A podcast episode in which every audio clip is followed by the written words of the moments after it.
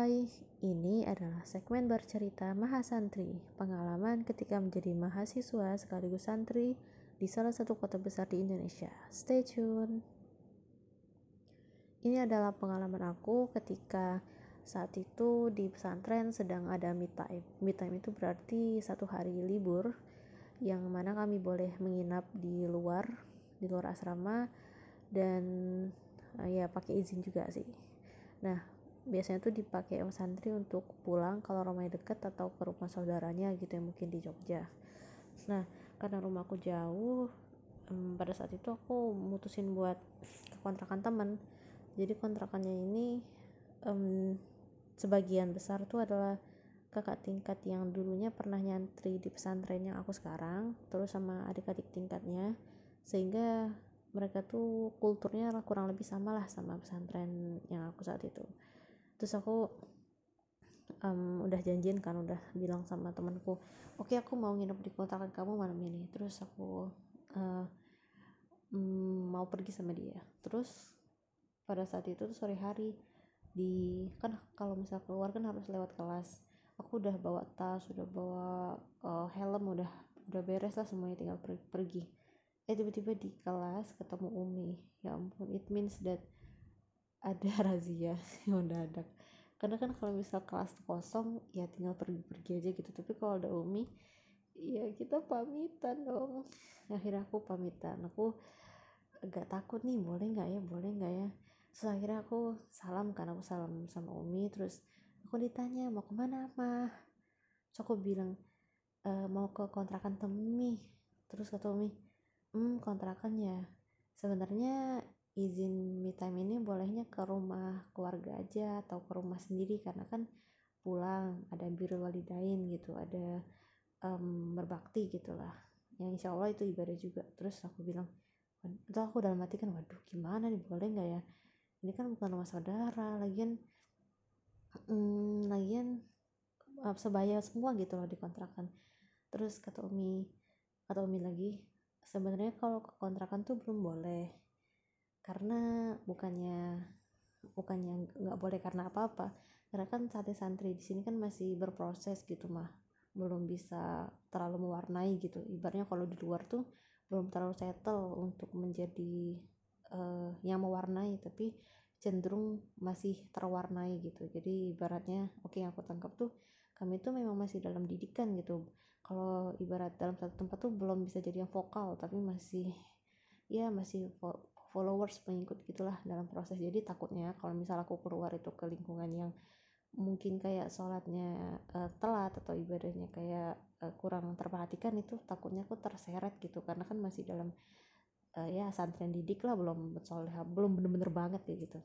Terus um, aku senyum-senyum aja tuh. Aku udah udah siap helm udah siap sepatu udah gendong tas. Aduh batal gimana? Nggak enak sama teman terus aku senyum aja kan aku masih berharap mataku udah berharap ya Allah mi bolehin aja mi. Ya terus akhirnya um, akhirnya Umi Umi bilang ya udah uh, ama mau ke mana? Ke kontrakan ini mi kataku. Oh iya ada kak ini kakak ABCD gitu aku sebutkan. Yang mana amah eh ada amah eh yang mana Umi tuh kenal juga sama amah itu ama ama itu. Terus akhirnya ya udah uh, apa boleh ke kontrakan itu tapi pesan Umi eh, ini kan udah mau maghrib. Nah ama harus sampai di sana. Jangan ngobrol jangan ngapa-ngapain dulu. Pokoknya ama wudhu terus sama baca Quran sambil nunggu azan maghrib. Jadi nanti sholat maghrib jamaah terus setelah itu ama hmm, baca Quran ya gitu. Setelah sholat gitu. Um, apa ya bahasa umi itu saya ingatku jadi kayak mengkondisikan di awal gitu. Jadi kalau misal kalau misal di awal kita udah sampai rumah itu terus mengkondisikan untuk berquran dan menunggu sholat itu dengan berquran jadi lama-lama orang-orang yang masih nyiap nyiapin masih beraktivitas lain itu juga ikut mengkondisikan untuk nyiapin sholat sebelum azan gitu.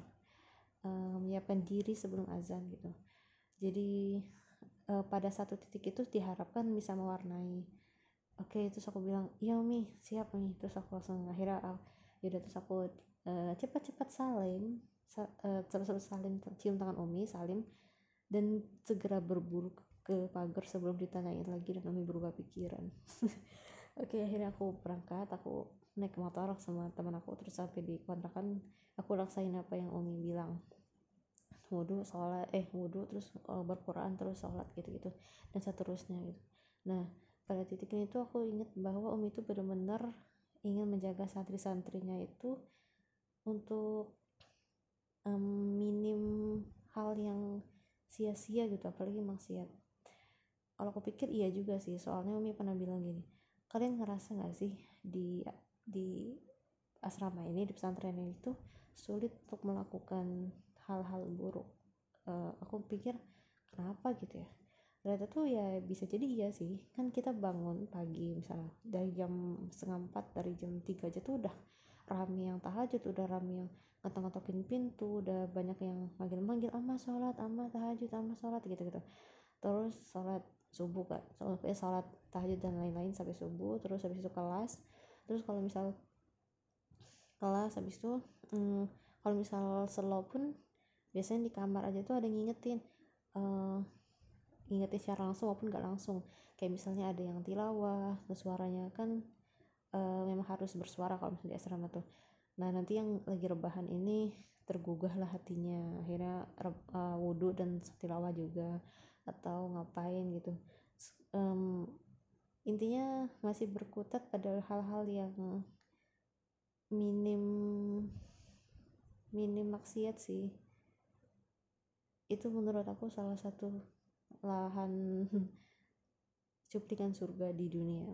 Sorry ya kalau lebay tapi kita pasti merasa sih kita pasti merasa ada tempat-tempat yang memang ketika di situ ibadahnya kita bisa ibadah maksimal kita bisa banyak uh, kita bisa merasakan ibadahnya terasa lebih bergairah. Itu salah satu cuplikan surga kayak kita bisa temukan di mana aja misalnya kayak di masjid uh, masjid besar kayak misalnya masjid TT atau masjid Istiqlal atau masjid apa atau pesantren mana yang mana itu tuh nuansa itu banyak banget kebaikan banyak banget ibadah. Nah itu ngerasa juga sih iya juga sih kalau misal kayak dikit-dikit uh, kedengeran teman tilawah akhirnya kita ikut tilawah. Terus dikit-dikit ngobrol ngobrol tentang hal-hal yang materi-materi kelas materi materi abi materi fikih dan lain-lain gitu. Bisa jadi gitu.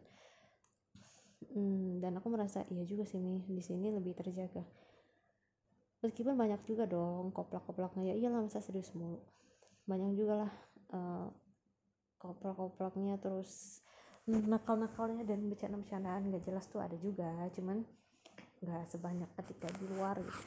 Namanya juga lingkungan yang ingin baik gitu ya jadi berusaha untuk baik.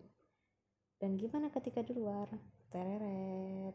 Ya begitulah. Kita sama-sama saling ngedoain untuk saling istiqomah naik turun bangkit dan jatuh harus bersama-sama. Kalau misal lagi ngejauh ya jangan lagi menjauh tapi maulah untuk diraih. Kalau misal lagi jatuh ya jangan makin terperosok tapi maulah untuk ditarik gitu. Sulit sih memang. Apalagi ketika kita merasa dulu tuh pernah solih banget dulu tuh pernah soleha banget. Tapi kok sekarang begini ya? Nah dengan mindset tapi kok sekarang begini dan dan aku malu untuk balik lagi ke lingkaran itu circle itu. Itu sebenarnya udah salah satu upaya setan sih untuk mem, apa ya, mengu, mengolah otak manusia untuk nggak untuk nggak menjadi lebih baik gitu. Makanya Umi itu selalu mengingatkan santri-santrinya untuk mau ditolong. Jadi um, kalau misal lagi futur lagi males ngaji itu kita tuh harus memunculkan rasa mau ditolong gitu sama teman. Jangan hidup sendiri dan membiarkan diri sendiri dalam kubangan kemalasan atau dosa dan lain-lain gitu. Tapi maulah ditolong ketika ditanyain ama gimana tilawahnya? Ketika ditanyain uh, dan diajakin sholat ama sholat yuk gitu. Atau diajak ketika diajakin ngobrol yang bermanfaat itu kita tumbuhkan diri untuk mau. Karena ketika kita udah di luar asrama which is udah di dunia sebenarnya yang banyak ABCDE sampai Z nya kita tahu bahwa kita tuh lagi nggak baik-baik aja saat ini nih. Iman tuh lagi turun nih? Oh berarti aku butuh ngecharge nih aku butuh ketemu temen nih atau atau aku butuh kajian nih kayak gitu gitu jadi kesadaran untuk sadar bahwa we are not okay now dan kita mau be better itu ada oke okay, by, by the way ini omongannya udah ke mana-mana ya. Ya oke okay, jadi itu tadi sedikit cerita randomku yang pembawaannya juga random. Karena aku nggak terlalu mengkonsep ini sih so mohon maaf untuk ke tidak beraturan kata-kataku saat ini tapi terima kasih sudah mendengarkan. Terima kasih